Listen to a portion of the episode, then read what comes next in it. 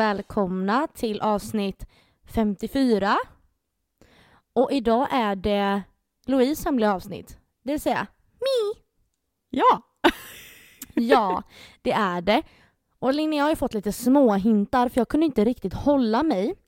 Anledningen till att jag ville göra det här det är för att för några dagar sedan, en vecka sedan, så eh, satt jag på Youtube och kollade på en eh, Youtube-video av Anis Don Demina där han, där han hade med sig en, eh, jag tror det var en relationscoach eller expert eller någonting. Där de pratade om eh, bland annat anknytningsteorin. Och jag blev hooked. För jag fick en sån jävla självinsikt och blev så taggad på att grotta ner mig mer i det här och lära mig mer. Så därför har jag valt att idag på mitt hemliga avsnitt så, så ska jag lära Linnea och er poddlyssnare om anknytningsteorin och varför det är bra att känna till den när man dejtar. Yes. Jag är 100% med dig. Och i relationer överlag är det väldigt bra att förstå sig på den här. Så inledande innan vi går in på det här, får jag bara fråga dig, har du, känner du till det här? Ja, det gör jag. jag eh, det roliga är ju att bara någon typ så här någon dag innan du nämnde det här så hade jag ju börjat liksom vara så här, jag bara okej, okay, jag måste kolla upp det här för att jag är ju definitivt en otrygg människa liksom. Är det sant att det var så pass? Ja, men alltså jag, eh, det har en kompis sagt till mig hur länge som helst att liksom, Linnea, du måste kolla in i det här för att du är på det här viset liksom. Mm. Och så läste jag en sån eh, grej och bara check, check, check, check på allt liksom. Mm. Ja men då, då vet du lite grann då, men jag tänker att vi ska grotta ner oss lite i det här idag. Inte överdrivet som jag eh, gärna hade gjort men som vi inte har tid för.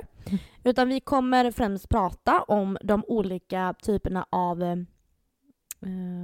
anknytningar då. Så här. Jag kommer att inleda genom att berätta lite om vad det finns för olika typer av, ehm, de, de kallar det för ehm, relationstyper. Så jag kommer också göra det idag. För när vi var små barn så utvecklade vi strategier som var effektiva för att, som, för att få så mycket närhet som möjligt från våra föräldrar. Vilket är det absolut viktigaste när man är liten. Då anpassade vi oss och formades utifrån hur våra föräldrar fungerade. I den perioden av vårt liv var vår relationsmodell användbar. Men nu i vuxen ålder, eh, när vi möter en partner, eh, så kan man ha kvar samma mönster som man hade när man var väldigt liten. Och det här mönstret aktiveras när vi öppnar upp för intimitet och närhet. Vad som triggar oss eller vad som gör att vi känner oss tillfredsställda. Tyvärr kan ens anknytningsmönster från barndomen många gånger ställa till det i våra vuxna kärleksrelationer. Och därför vill jag prata om detta idag. Så, nu kanske Linnea dels lite tänker, och även ni som lyssnar, varför ska man bry sig om anknytningen då? Vad spelar det, alltså vad spelar det för roll liksom? Så stor impact kanske det inte har. Men jo, den har en stark påverkan på dina romantiska relationer och om du förstår varför du beter dig eller reagerar som du gör så kan du lära dig att hantera och förändra din anknytning under hela livet vilket leder till bättre relationer till andra men också en större förståelse till dig själv. Men jag tänker att vi kör en liten pausingel först. Som sagt, det finns fyra olika relationstyper. Och den första och den vanligaste är trygg anknytning. Dessa personer är bekväma med intimitet och är ofta varma och kärleksfulla. De har en tro på att kärleksfulla och trygga relationer är möjliga. Och de är inte särskilt rädda för att bli övergivna. Relationer associeras med trygghet och närhet för dessa människor. De har ofta en positiv syn på sig själva, sina partners och sina relationer till andra människor generellt sett. Och de är bekväma med att både vara själva men att vara nära andra. De kan hantera jobbiga känslor som ibland uppkommer vid ensamhet respektive vid närhet. Och Det här är väl egentligen grunden. Det är väl så här alla vill vara och det är väl så här alla vill må och ha det, tänker jag. Och eftersom att det är den vanligaste så är det väl så de flesta också har det. Men nu kommer vi in på en av de två större eh, otrygga relationstyperna då. Och den första är otrygg ambivalent. För den som är otryggt ambivalent så tar relationen mycket tankekraft. Och dessa personer tenderar att oroa sig för att sin partners förmåga att älska dem tillbaka. De är ofta mer känslostyrda än tankestyrda. Det är ett kännetecken. De öppnar upp sig, blir mer personliga och vill ha mycket närhet tidigt i sina relationer. De blir lätt osäkra om de inte får tillräckligt med bekräftelse av sina partners. De kan känna obehag när de är ensamma. De upplever ofta att de behöver ha närhet till andra för att kunna hantera sina känslor. Och anknytningsmönster brukar märkas av som mest när du som är ambivalent blir förälskad och börjar dejta någon regelbundet. För i den här fasen kan du uppleva att du har som mest att förlora och hotbilden är då alltså som tydligast för dig. Och eh, jag har ju gjort det här testet. Du ska få göra det idag också. Jag vet att du sitter här och nickar att det stämmer in på dig, vilket det gör. Mm, ambivalent, otrygg, som du säger. Ja, men alltså, jag tänker att om man jämför med alltså, den här andra då. Men jag tycker ändå att du ska göra den för jag vill se våra, man får ju ett värde. Och jag vill att vi ska jämföra våra värden och se, det kan mm. vara lite intressant. Men det ska vi göra sen. Det var den otrygga ambivalenta personen. Nu har vi den otrygga undvikande personen. Och den här personen jämställer ofta intimitet med förlust av självständighet och försöker ständigt att minimera närhet. Den här personen är ofta mer tankestyrd än känslostyrd. Och den upplevs av många som trygg och självständig. Personen kan ha svårt att tala om känslor och hittar ofta snabbt brister hos sin partner. Det kan känna eh, obehag eh, när det kommer någon annan känslomässigt nära just för, att de just för att de ofta upplever att de behöver ha en distans till andra för att kunna hantera sina känslor. Det vill säga precis tvärtom den otryggt ambivalenta personen. Och det ska ju sägas då att en otrygg ambivalent person och en otrygg distanserad person is the worst match. Vilket är ganska logiskt eftersom att de är varandras motsatser då va. Och det finns någonting har jag läst på som kallas för eh, den här dansen mellan de här två då. I och med att den eh, ena personen som är otryggt ambivalent, den dansar hela tiden mot den distanserade och hela tiden vill ta och eh, vill ha mer, vill ha mer, vill ha, vill ha, vill ha. Och den distanserande i sin tur då dansar hela tiden ifrån så det blir hela tiden, hela tiden ett, ehm, ett fel i rytmen så att säga. Och det vill vi ju inte ha. Men för att avsluta relationstyperna här då så går vi in på den fjärde. Och det är den otrygga desorganiserade typen. Den här anknytningstypen är den minst vanliga. Kan inkludera det problematiska mönster från både en otrygg undvikande och en otrygg ambivalent person. Och ofta innebär det större utmaningar i relationen än för de andra typerna. Det här kan få, dessa personer kan få oroskänslor utan orsak och lätt bli ilskna och tappa kontrollen. De tenderar också att misstro sina partners och se sig själva som ovärdiga att få kärlek. Ofta är deras relationer kortvariga och har destruktiva mönster.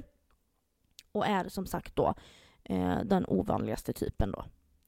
Med detta sagt så slänger vi på lite hissmusik för nu vill jag Linnea att du ska göra det här testet. Så ska vi jämföra, jäm, jämföra, jämföra så ska vi jämföra våra värden. Slänger du på lite hissmusik då? Ja, okej. Okay.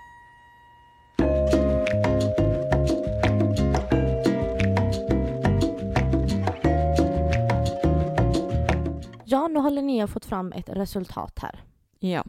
Och du kan ju förtydliga förut vad du sa. För, för när vi pratade om ambivalent, då pekar du på dig själv, det är jag, det är jag, det är jag. Mm. Vilket jag också tyckte. Eh, men du kan väl läsa upp vad testet sa till dig? Mm. Alltså grejen är, jag kan ju börja med att säga att jag tycker att jag placeras bäst i ambivalent när jag har läst om både undvikande och ambivalent. Eh, för att där är det precis som att allt boxar av, liksom, det checkar mm. boxen på allt. Men jag vet också när, du läser, när man läser om undvikande att det finns väldigt många drag där som ändå kopplas in Så jag blir ju då den svåraste typen av människa man kan träffa.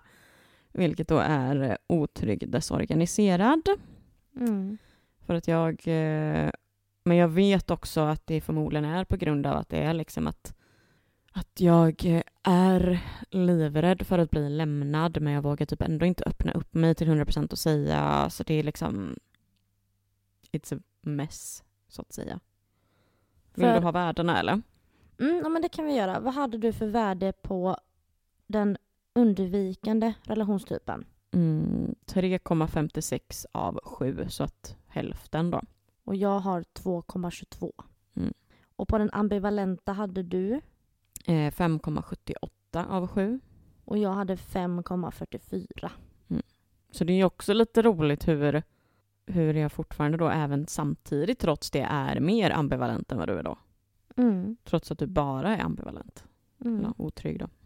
Men eh, det som eh, anledningen till att eh, jag ville att vi skulle göra det här nu, det är för att jag tycker bara att vi kan, eh, om vi bara ska försöka spåna lite, köra lite fri lek här en stund. Varför tror du att det är så här?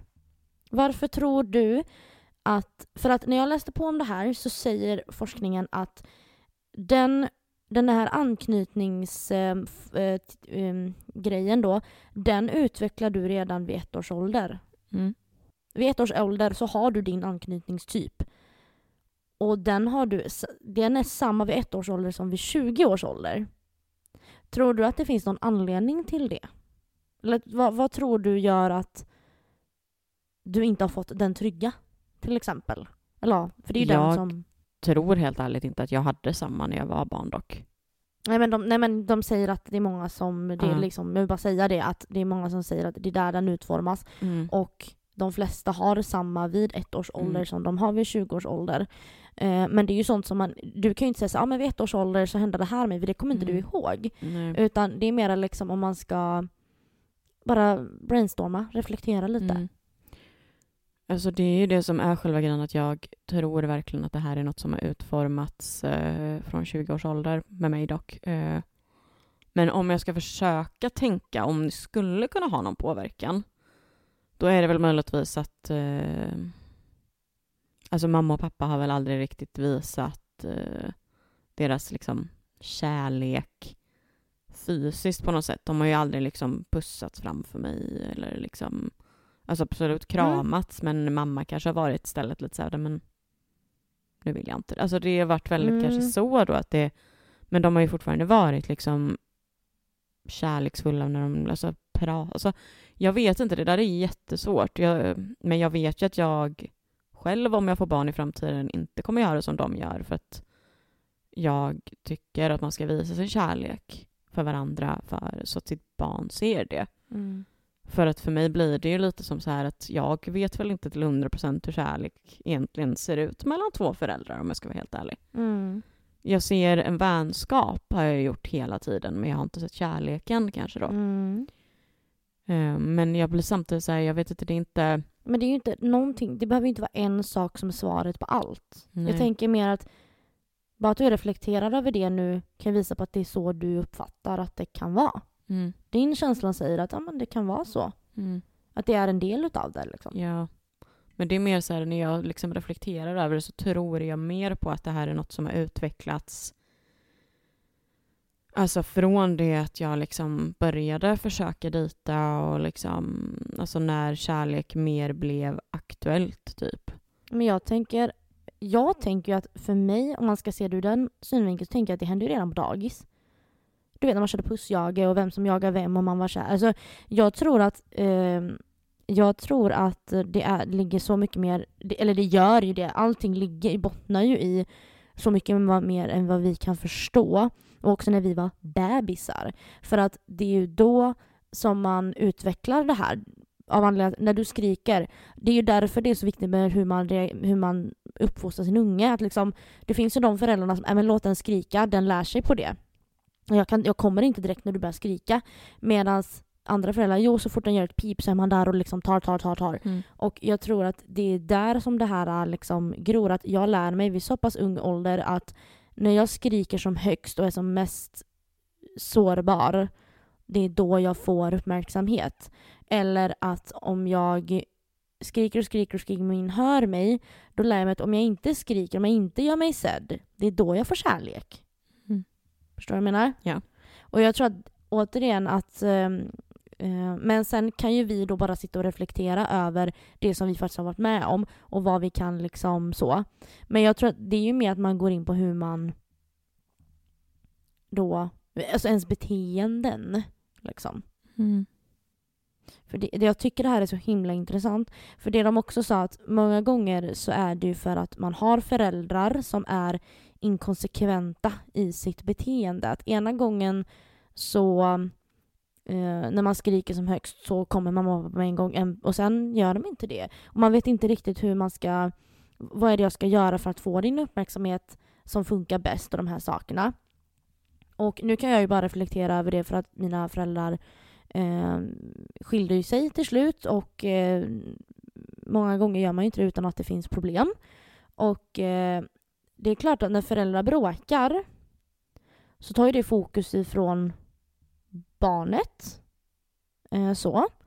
Eh, så jag tror ju också att det ligger mycket till grund för min del där och att eh, eh, eller liksom att det finns, det är det jag kan reflektera utöver som inte handlar om det här på ett barnnivå då.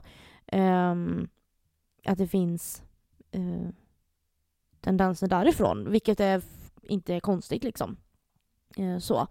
Men ehm, det är väldigt intressant det här, för att man, eh, man kommer in på ett sånt djupt stadie om beteenden och jag tycker ju sånt här är så fruktansvärt intressant. Hur känner du över att liksom ehm, just eh, försöka förstå dig på dig själv, dina beteenden, alltså självreflektion? Är det något du ägnar dig åt ibland? Eller är du mer liksom, när jag tutar mycket och kör, jag, jag vet hur jag funkar utan att faktiskt reflektera över det liksom? Nej men jag reflekterar ändå ganska mycket över det. Um, just för att jag vet ju hur jag funkar. Typ. Um, men det blir ju liksom... Alltså det är svårt typ att säga exakt. Jag vet inte exakt vad det är du vill att jag ska säga. Eller Nej, men alltså... vi, vi, vi bara liksom... Jag tänker att det här med i... För nu har ju, alltså det här med relationer och sånt. Nu har ju som sagt du har ju inte varit i en kärleksrelation på det sättet flera år med en partner. Men... Um... Okej, okay, men där har jag väl kanske då en förklaring kanske lite då. Det är lite därför jag tror att jag har desorganiserad. Mm. Att det är det som är själva grejen, att jag har, jag har, det som jag väl har varit med om, det har varit liksom destruktivt på ett mer mitt egna plan liksom. För om man tänker typ så här, sätt?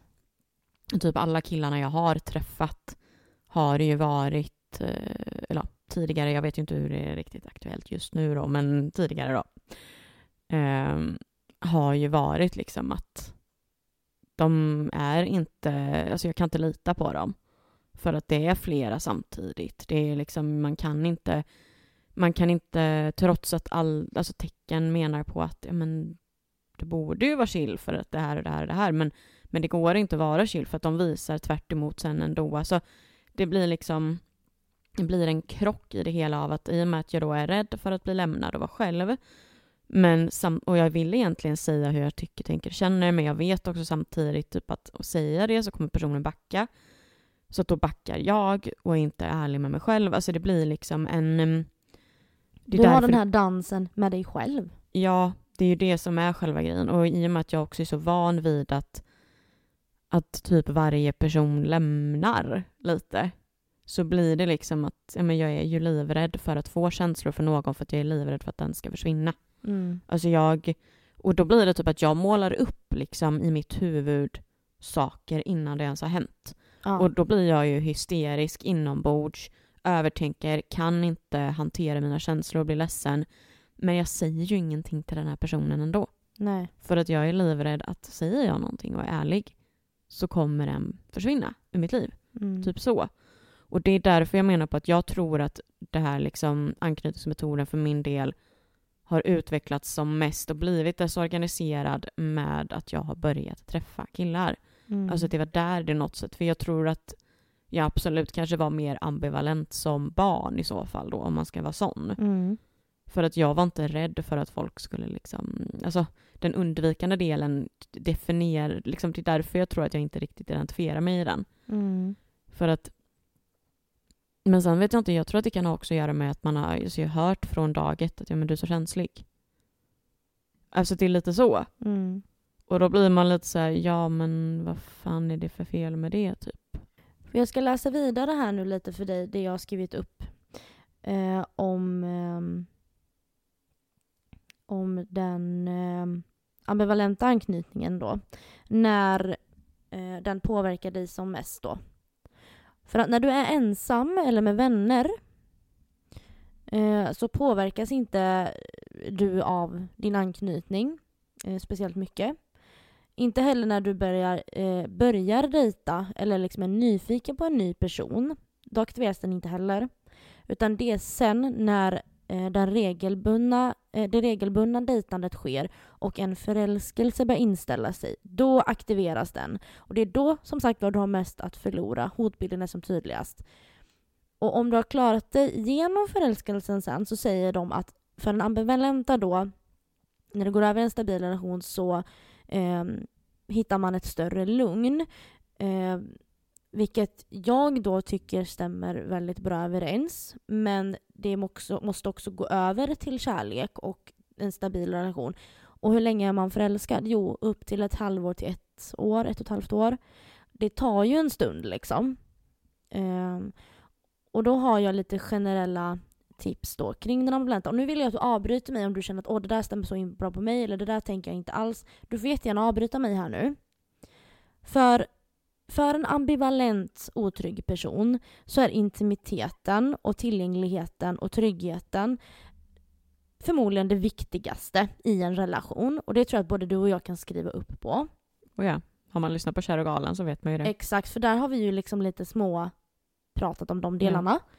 Och då säger de också så att de här behoven av att vilja ha så mycket närhet och allting, alltså det är ju inte något som är bra eller något som är dåligt, utan man behöver bara acceptera dem för vad de är, vilket är svårt när man har låtit andra ge en dåligt samvete för att man är nidig eller liksom är beroende av närhet. För det kan jag ju säga att det har jag fått höra väldigt många gånger. Du är så nidig. Och det var ju för att den personen som jag var ihop med har jag ju förstått var en undvikande eh, eller hade en eh, otrygg undvikande anknytning. Och eh, då kan jag känna lite så här att när jag läste på om det här och allting och inför nu det är ett nytt år, new mindset och allting, att så här, fan vad jag kände att jag blev taggad nu på att verkligen alltså, försöka förstå det här för att vara, alltså, tala min sanning gentemot mig själv men också gentemot andra när man dejtar. Att vara ärlig att jag funkar så här. Det här är mina behov, det här är viktigt för mig. Känner du med en gång nu att oj, det här kan inte jag, det här är ingenting som jag eh, känner att jag är bekväm med eller som jag känner att oj, det här är too much för mig. Ja men vad bra, då vet vi. Men det är ju som du säger där att du säger inget. Då säger du ingenting istället när du känner att du egentligen behöver uttrycka dina känslor. För jag blir rädd för att bli sårad istället. Och Mm. då backar jag. Och det är tvärtom-strategin som de också tipsar om. När man pratar om det här att för att ehm, få ett annat resultat så ska du egentligen göra tvärt emot. Det då du egentligen ska göra är ju då att faktiskt uttrycka dina känslor och verkligen säga som det är och få fram. För att jag har ju också varit sån att jag har eh, tänkt att men han borde fatta eller, eh, eller så gör han inte det och jag låter det bara vara för jag vill inte att det ska bli tjafs, jag orkar inte. Men sen började jag ju också till slut liksom att säga nej men alltså nu måste jag säga. Men för en ambivalent person, en undvikande person, det går inte. Det spelar ingen roll hur mycket du försöker säga till en eh, då undvikande person som ambivalent vad du behöver och allting för att de, tar inte em- de kan inte ta emot det. Eh, och fortsatt då eh, och istället, alltså istället för att tänka att du behöver ändra på dig själv så ska du fundera på om den potentiella partnern kan möta dina behov för att känna dig lycklig. För att många gånger så tror jag också att man försöker då självrannsaka sig själv. Att jag måste träna på att liksom eh, inte vara så klängig eller jag måste försöka behålla mina känslor eh, för mig själv och inte vara så påflugen och bla bla bla. Känner du igen dig i det? Oh ja, det är till och med så att kompisar säger det som ett exempel eller ett förslag. Bara, men du kanske får ta det lite lugnt liksom och inte vara för på. Man bara, men det är så svårt. Mm, det, Kan inte det? nej, det är det som är så svårt för man känner ju, man känner ju nästan att man, eh, alltså det, ju, det kan ju göra ont inombords. Men det är typ som jag tänker när Att vi låta pratar. bli att höra av sig. Även om och jag vill Ja. verkligen veta. Eller jag, nu undrar jag det här. Men nej, jag måste, jag måste, jag måste, jag måste. Och det, alltså det är ju nästan lite självplågeri för den med den typen av anknytning då. Ja, men jag tänker också när vi pratar om det för att jag kommer att tänka på hur det är liksom att när man är med personen så känns allting typ bra, allt är lugnt, allt är Ja. chill. Och det är också en jättetydlig in- indikator. Ja, okej, ja, för jag tänkte Mm. nästan att det och det är liksom, det är det som också blir så problematiskt. Ja. Och då blir det så här, kan man inte bara känna då att ja, men det är ju lugnt och bra när ni är med varandra? Vad är då problemet när ni sen då inte är med varandra? Det är jo, för att du är rädd att han ska gå till någon annan. Mm. Eller också det här att menar han verkligen det han säger? För när vi inte är med varandra då börjar de här hjärnspökena. Ja, Att men han hör inte av sig. Varför svarar han inte? Det har gått tre dagar. Han hör Mm. inte av sig. Ska jag höra av mig? Nej, då är jag för plågflugen. Uh, uh, uh. ja exakt. Då kommer det där. Mm. Och jag sa ju eh, till dig att ett av mina mantran för detta året kommer att I don't chase people. Jag, jag tänker inte jaga någon som inte visar något intresse av att faktiskt ha med mig att göra. Då tänker inte jag jaga någon. Jag tänker inte lägga ner min energi på det. Samtidigt som du sa, vad var det du sa? Att Ja, vad var det jag sa? Uh, nej men alltså, go, get, what you want. Ja, precis. För jag kan tycka någonstans att absolut som du sa det här, för vi diskuterade det för att jag hade ju missuppfattat, men att för jag tycker det också fortfarande är så jävla viktigt att man faktiskt går efter det man vill ha. Och vill du dejta den här personen, vill du träffa den, ja men gå efter det du vill ha då så får väl det vara tills motsatsen är bevisad. Men alltså, Hör du dig själv ska- säga vad du säger nu?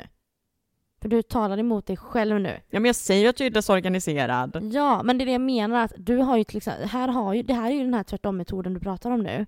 Att det här är ju en sån sak som man för sig själv då ska jobba med. Mm. Och det är lite därför jag tar upp det här idag, för jag, jag hoppas att vi kan få lite, Självinsikt. ja, och kanske att man vågar eh, göra det inför det nya året. Och därför jag ville lägga det här avsnittet lite tidigare eh, också. Att våga testa någonting nytt. Och för att fortsätta här då, just för de otryggt ambivalenta så är det att man ska undvika den undvikande relationstypen. För den är troligen den du passar allra sämst med. Och it's hard to... Alltså det, det är ju svårt att säga, för i och med att det här är de två eh, som jag tror också många gånger tyvärr dras till varandra. För att motsatser gör ju gärna det ibland. Du vet när du läste om otrygg förut, eh, undvikande. Mm. Jag kommer ju direkt att tänka på en specifik person. Mm. Och hur svårt har jag haft att eh, gå därifrån? Ja. Fruktansvärt svårt. Ja. Så det är ju verkligen liksom som du säger och jag tror, men jag har ju dock en, eh, en liten hypotes kring det där. Mm.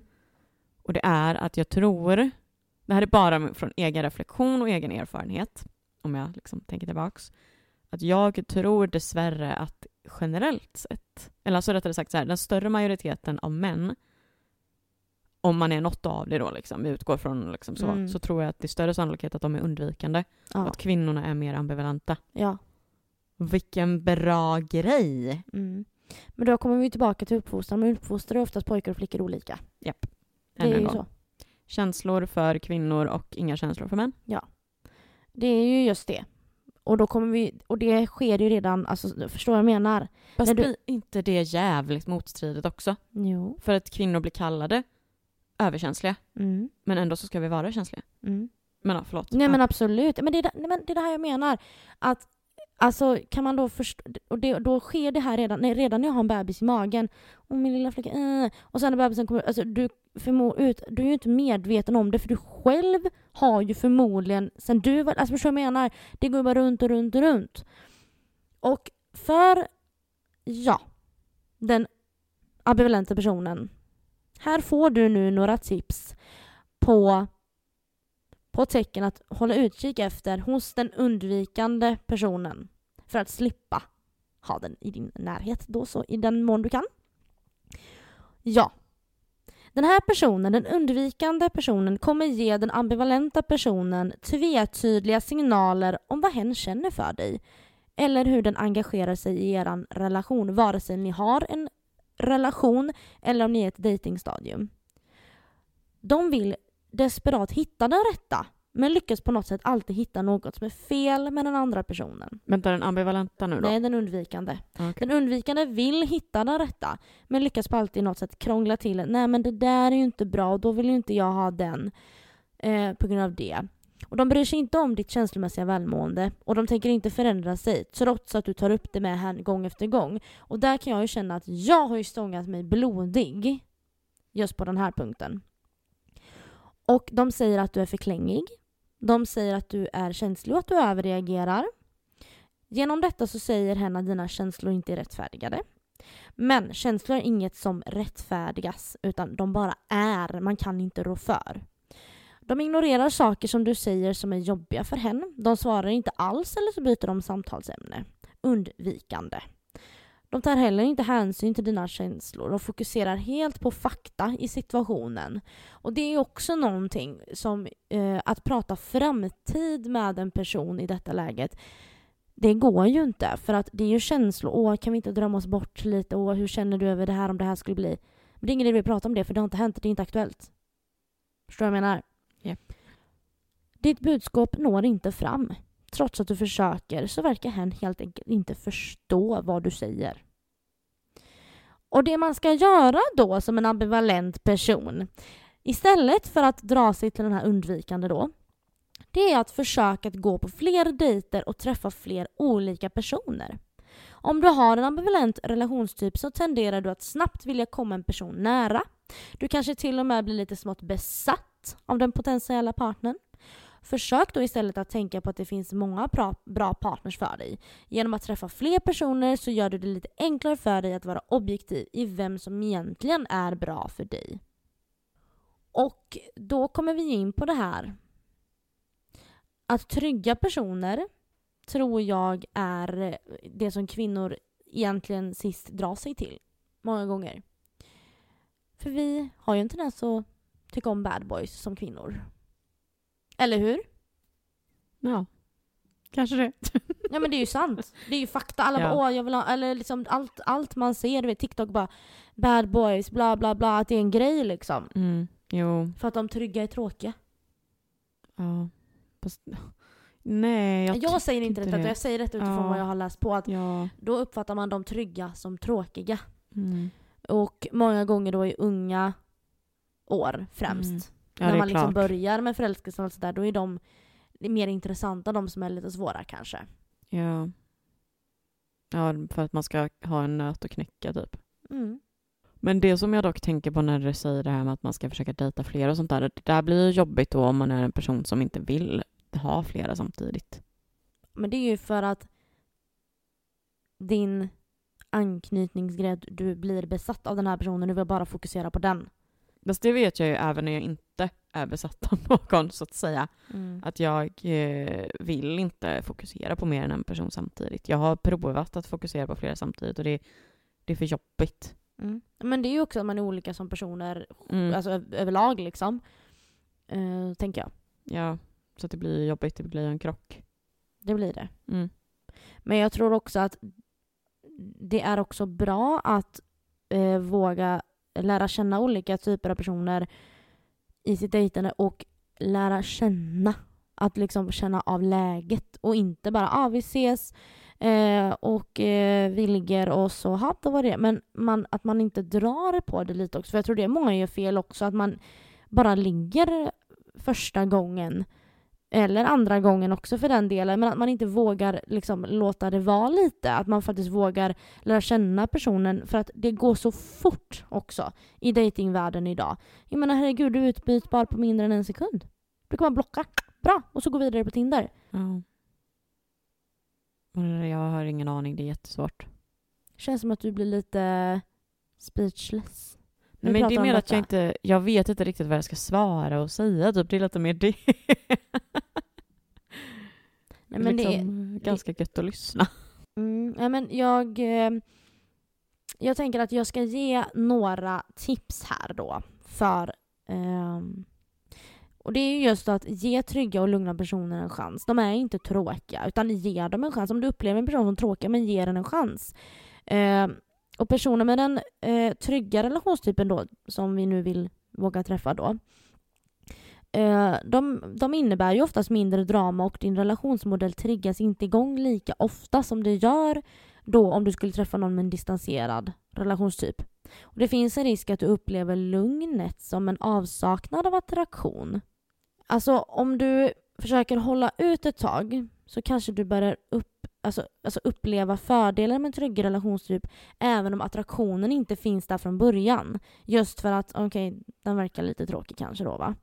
Så det är tips ett. Våga träffa någon som verkar vara lite för lugn och lite för tråkig liksom. Men nu släpper vi den ambivalenta typen. Nu går vi in på den undvikande. Är du redo? Ja. För att den undvikande relationstypen den skulle behöva, vad ska man säga, den skulle behöva minska fokus på sitt oberoende och fokusera mer på, en, på ett ömsesidigt stöd.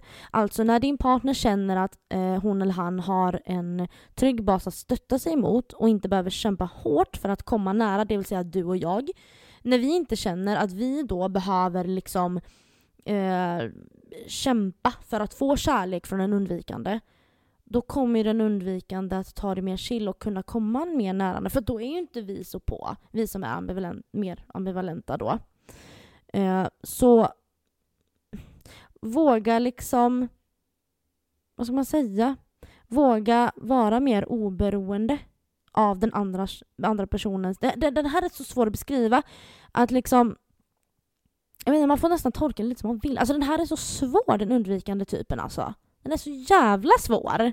Vet du vad jag just kom att tänka på? Vadå? Ett av, eh, som kan vara ett av de undvikande dragen i mig på desorganiserad. Mm. Det är ju... Jag har ju en specifik person i åtanke till och med på det här. Man får ju lätt det. Ja, när den person, för den personen har en tendens till att vara ganska på. Och då blir jag ju undvikande. Mm. För att jag får panik på att han är så på. Mm. Och då blir det att jag backar, stänger av, vill inte. I don't know. Bara en tanke. Jo men då är ju det en del av ditt undvikande beteende Ja. eftersom att du hade så pass högt på Mm. båda två. Ja. Så det är klart Så att det det- är en del i dig. Så jag tänker det kan ju vara en sån sak som är för undvikande också då, en standardsak att när då, alltså för det är ju det vi sitter och beskriver, men i en faktisk situation. Liksom. Mm. Ja, Det är intressant, ja. visst är det? Mm. Nej, och sen då för den undvikande. Försök tolka din partners handlingar som om alla hade goda intentioner. Den undvikande relationstypen gör att man tenderar att ha negativa tankar kring sin partners beteenden och intentioner. Det, och det kan skapa en dålig stämning i relationen. Du har ju valt att vara i en relation med den här personen, kanske en ambivalent person. Försök att tolka varje handling som den personen gör som att den har goda intentioner, trots att du själv kanske inte upplever det. Vilket jag tror att de oftast gör då. Nu är du klängig, jobb, alltså det är jobbig, nu är du jobbig. Medan man kanske egentligen ska tänka då att gud vad hon vill vara nära mig för att hon älskar mig så mycket.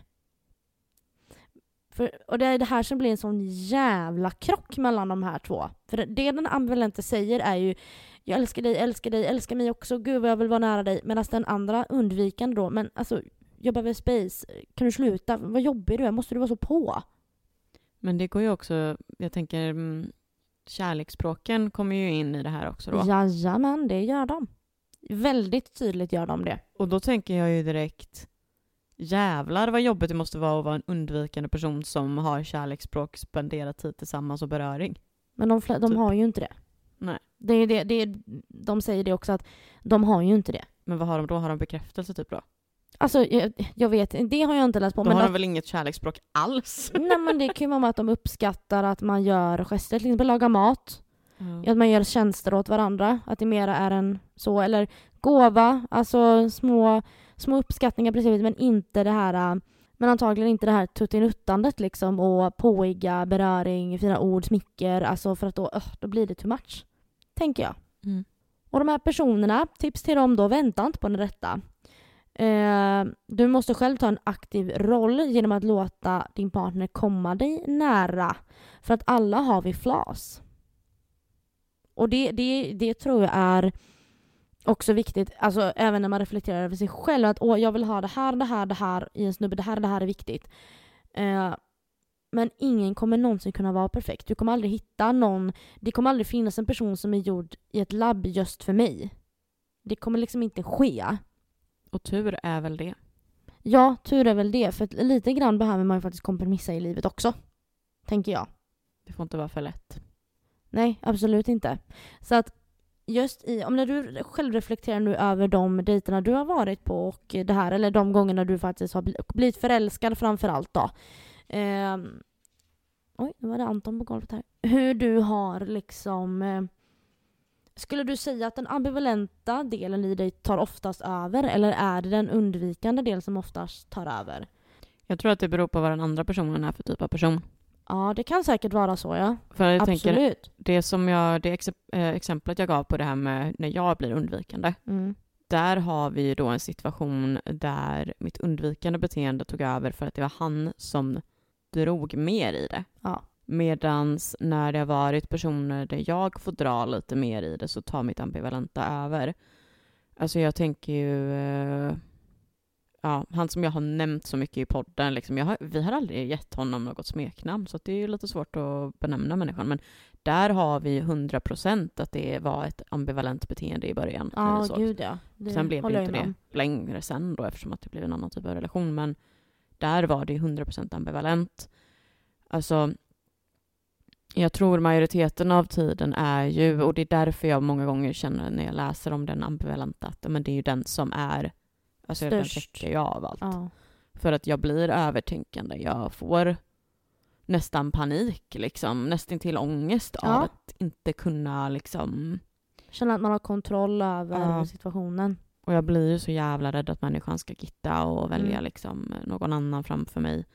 Och jag blir så lugn då när jag väl är med personen men sen typ bara liksom Mm. ett dygn senare så är det jobbigt liksom. Då kommer den här lilla rösten på axeln och säger Ja. liksom att ja, det var jättebra men han kan lika gärna skriva nu att ja, det var trevligt igår men Mm. jag är inte intresserad nu när jag har fått reflektera över det. Saker vi pratar om och känner att det stämmer inte överens, bla bla bla. Mm. Alltså man börjar ju, och jag menar jag har ju inte dejtat speciellt mycket i mitt liv.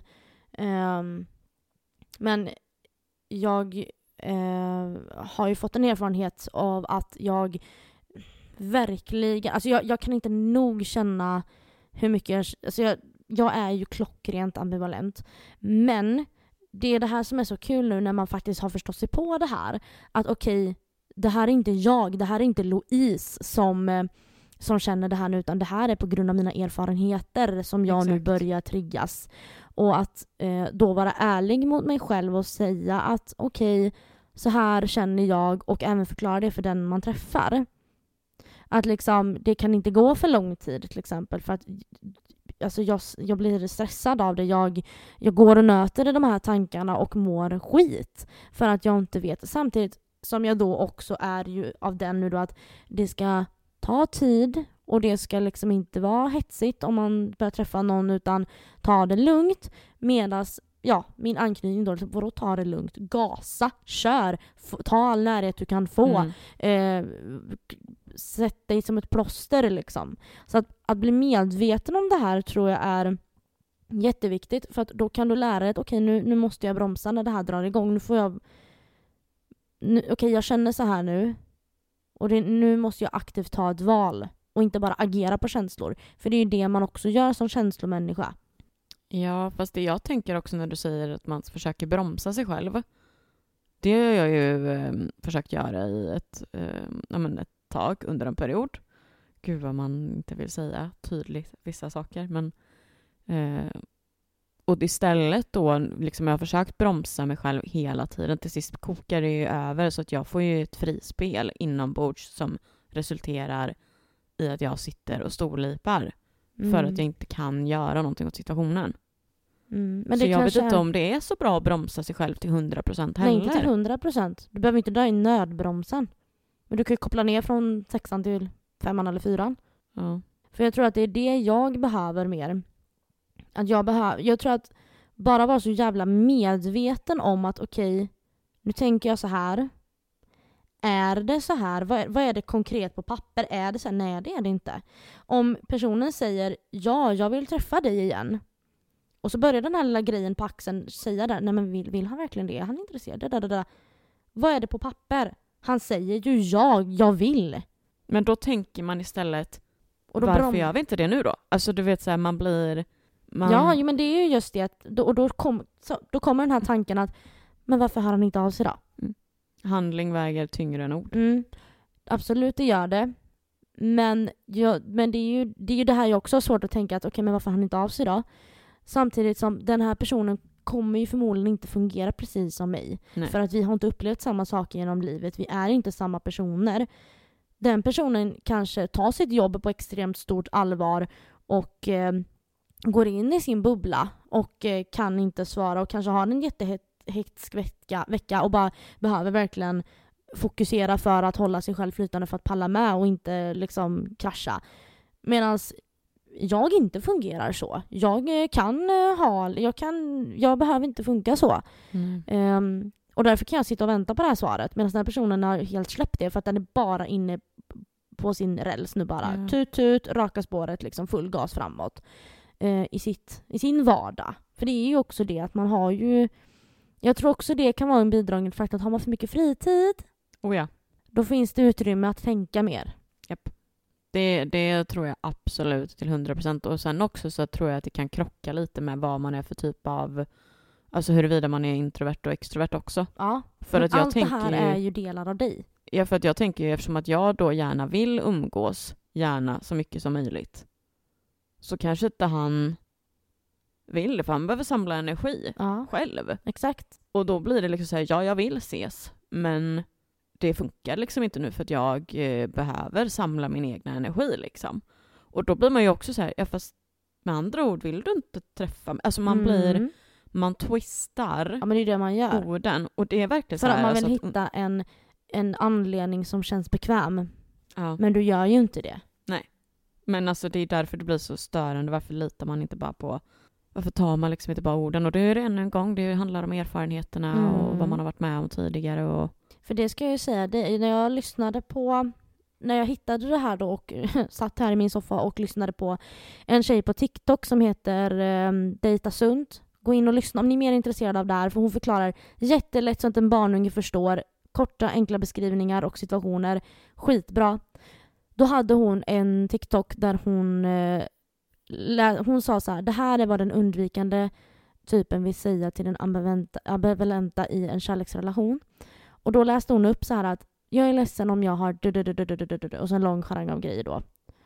Och jag började gråta när jag hörde henne berätta det här för att jag kände så starkt att utan att outa too much, men jag tror att hade mitt ex kunnat uttrycka sig i den formen som jag hade varit mottaglig för så tror jag att det här är de sakerna som han hade sagt. Så jag kände här att jag fick en sån förståelse kring varför eh, vi förmodligen, eller för att vi hade inte kunnat fortsätta en relation eh, oavsett om den tog slut nu eller om den hade tagit slut om tio år till. För, för att vi hade, det var för, för många krockar. Och som du säger då, dessutom att vara extrovert och ambivalent kontra någon som är undvikande och introvert. Det kan ju inte bli sämre liksom. Eh, så. Det är liksom skapat för pannkaka skulle jag vilja säga. Ja men precis. Sa du att det var dejta sunt? Dejta sunt, jag heter hon på TikTok. Jag tror det var Dejta sunt. Ja. Tänkte jag skulle skriva upp det direkt så att jag Ja. sparar det.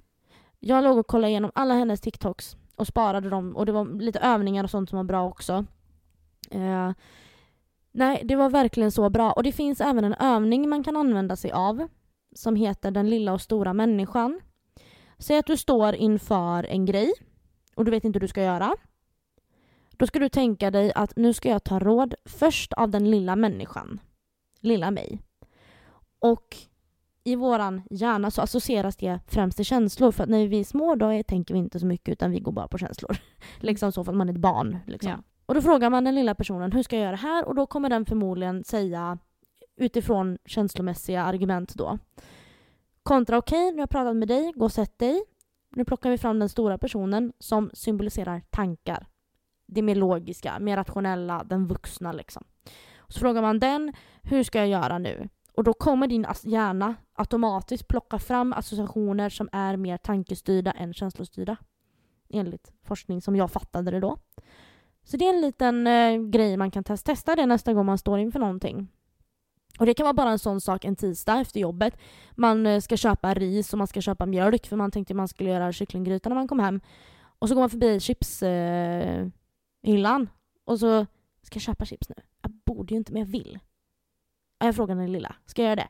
Men för fan, det är du värd. Du har kämpat hela dagen. Det är klart du ska käka lite chips. Fan vad gött. Det ska du njuta av. Ja, det är klart du ska sätta dig hemma och gotta ner dig, ta en dusch, sätta dig i soffan och äta lite chips sen. Okej, okay, tack. Och så frågar du den vuxna. Börja, ska jag köpa den här chipspåsen nu? Ja, men det är lite onödiga pengar och du ska ju faktiskt på tjejkväll på lördag och då kommer ni ju äta massa gott då. Är det inte bättre att du bara eh, åker hem, äter det här och så kanske du eh, kan träna efteråt och liksom känna att du är stark i det och så kan du götta dig till helgen sen. Utan nej, nu, nu ska du köpa detta liksom. Förstår du? Alltså det går att applicera, det behöver inte vara så tungt som det här med relationer och interaktioner med andra människor utan det kan vara så enkelt som ska jag köpa chips eller inte en tisdagkväll. Mm. Det är ganska intressant. Hur vad för tankar har du inom dig nu? Vad för känslor har, det, har du inom dig nu? Att jag är en jobbig människa. Utveckla. Men alltså jobbig på det sättet att jag kan ju inte hantera mig själv. Hur fan ska någon annan kunna hantera mig? Det var det jag skulle fråga som en annan fråga då. Känner du dig jobbig gentemot dig själv i relationen till dig själv? Eller känner du dig, fan vad folk måste störa sig på mig? Förstår du vad jag menar? men jag tror att det är en kombination. Mm. Alltså för jag stör ju mig på mig själv. Jag kan ju bli irriterad och arg på mig själv hur jag liksom mm. agerar. Och det är inget fel med att agera på det sättet för att det är bara så det är. Men det är jobbigt när man försöker att inte göra det och man bara känner jag kan inte, jag kan inte, jag kan inte. Men det tar ju emot. Det tar ju fysiskt ja. emot. Och jag tror att då liksom tänker jag någonstans att då tycker ju andra förmodligen att man är jobbig också. Typ lite så. Alltså, jag vet inte. Det är väl typ lite så jag kanske känner lite. Mm. Men sen så är det ju liksom, det är ju jättevanligt. Men det är ju just det att alla har ju detta. Ja. Och jag tror att det är många... Det var som jag snackade på telefon igår kväll med en kompis för att eh, hon liksom hade precis hamnat i en sån typ, ja i en ambivalent situation så att säga. Och jag hade skickat den länken till henne eh, med, eh, för jag hade ju kollat upp exakt det till och med innan. Eh, och hon kände ju samma, att hon liksom passar ju rätt in i det. Och då så satt vi och diskuterade liksom det här med ja, men en situation som hon var med om där det verkligen blev att, att det ambivalenta liksom tog över typ med mm. övertänkandet deluxe. Och det är ju samtidigt då jag typ någonstans tänker att ja, men man är ju inte själv om det heller. Nej. Det är ju så många man kan prata om det. Du och jag kan prata om det, jag och hon kan prata om det. Alltså, det är liksom, det är ju något som är så otroligt vanligt som man kan relatera till varandra egentligen. Mm. Och jag kan ju säga nu, inte för att det hade hjälpt någonting, det tror jag inte. Jag tror det bara hade eh, det kanske hade förlängt livslängden eh, men det hade ju inte räddat någonting. Men jag önskar ändå att jag hade tagit reda på det här lite tidigare. För att jag hade nog besparat mig själv lidande.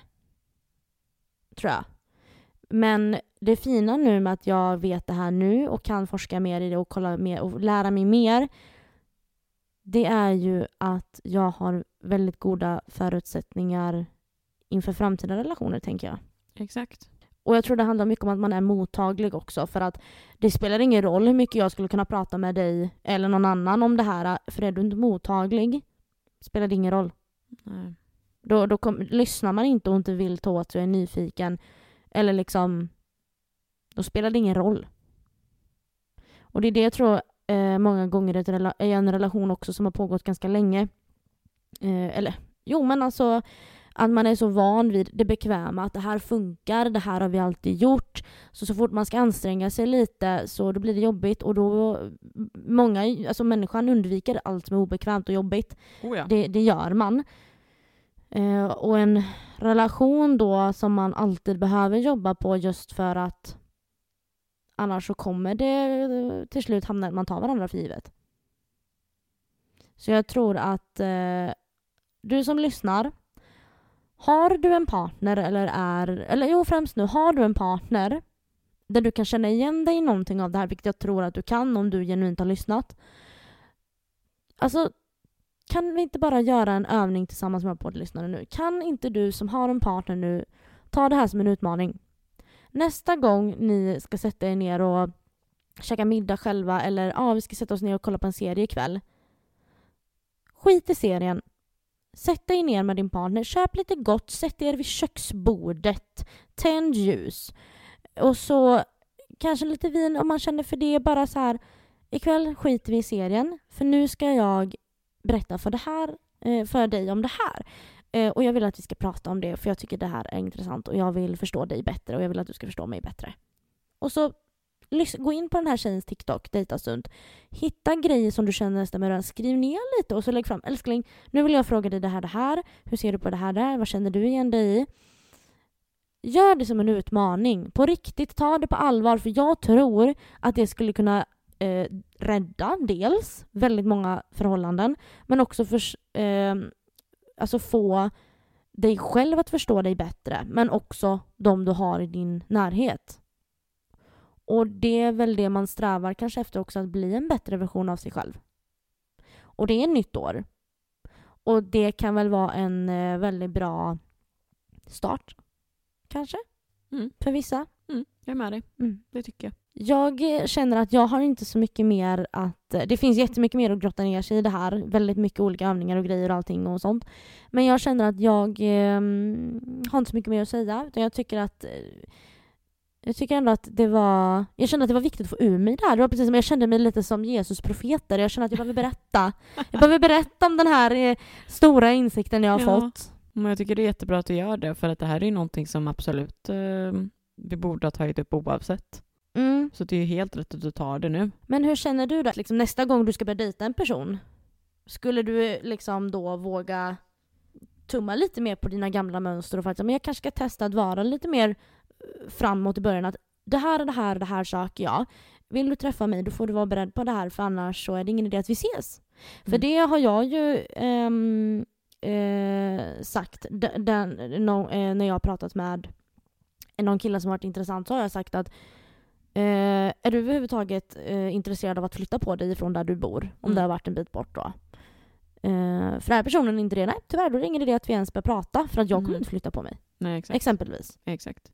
Nej men det kan jag absolut känna. För att jag har ändå lite det här, försöker ha mindsetet av att alltså, nu är det liksom hel, du får hela mig, du kan inte få halva mig nu. Mm. Det är lite så jag försöker gå in med ett mantra. Ett. Så då blir det ju lite det här att ja, då... Alltså jag vet inte. Ja, jag kommer väl försöka. Jag försöker ju lämna the old, mm. så att mm. säga. Det gamla in the past, typ. Mm. Jag har inte så mycket mer att säga. Nej, och det har inte jag heller. Utan jag, jag kände att jag ville bara få ur mig det här. Jag ville liksom bara upplysa om det här och jag kände att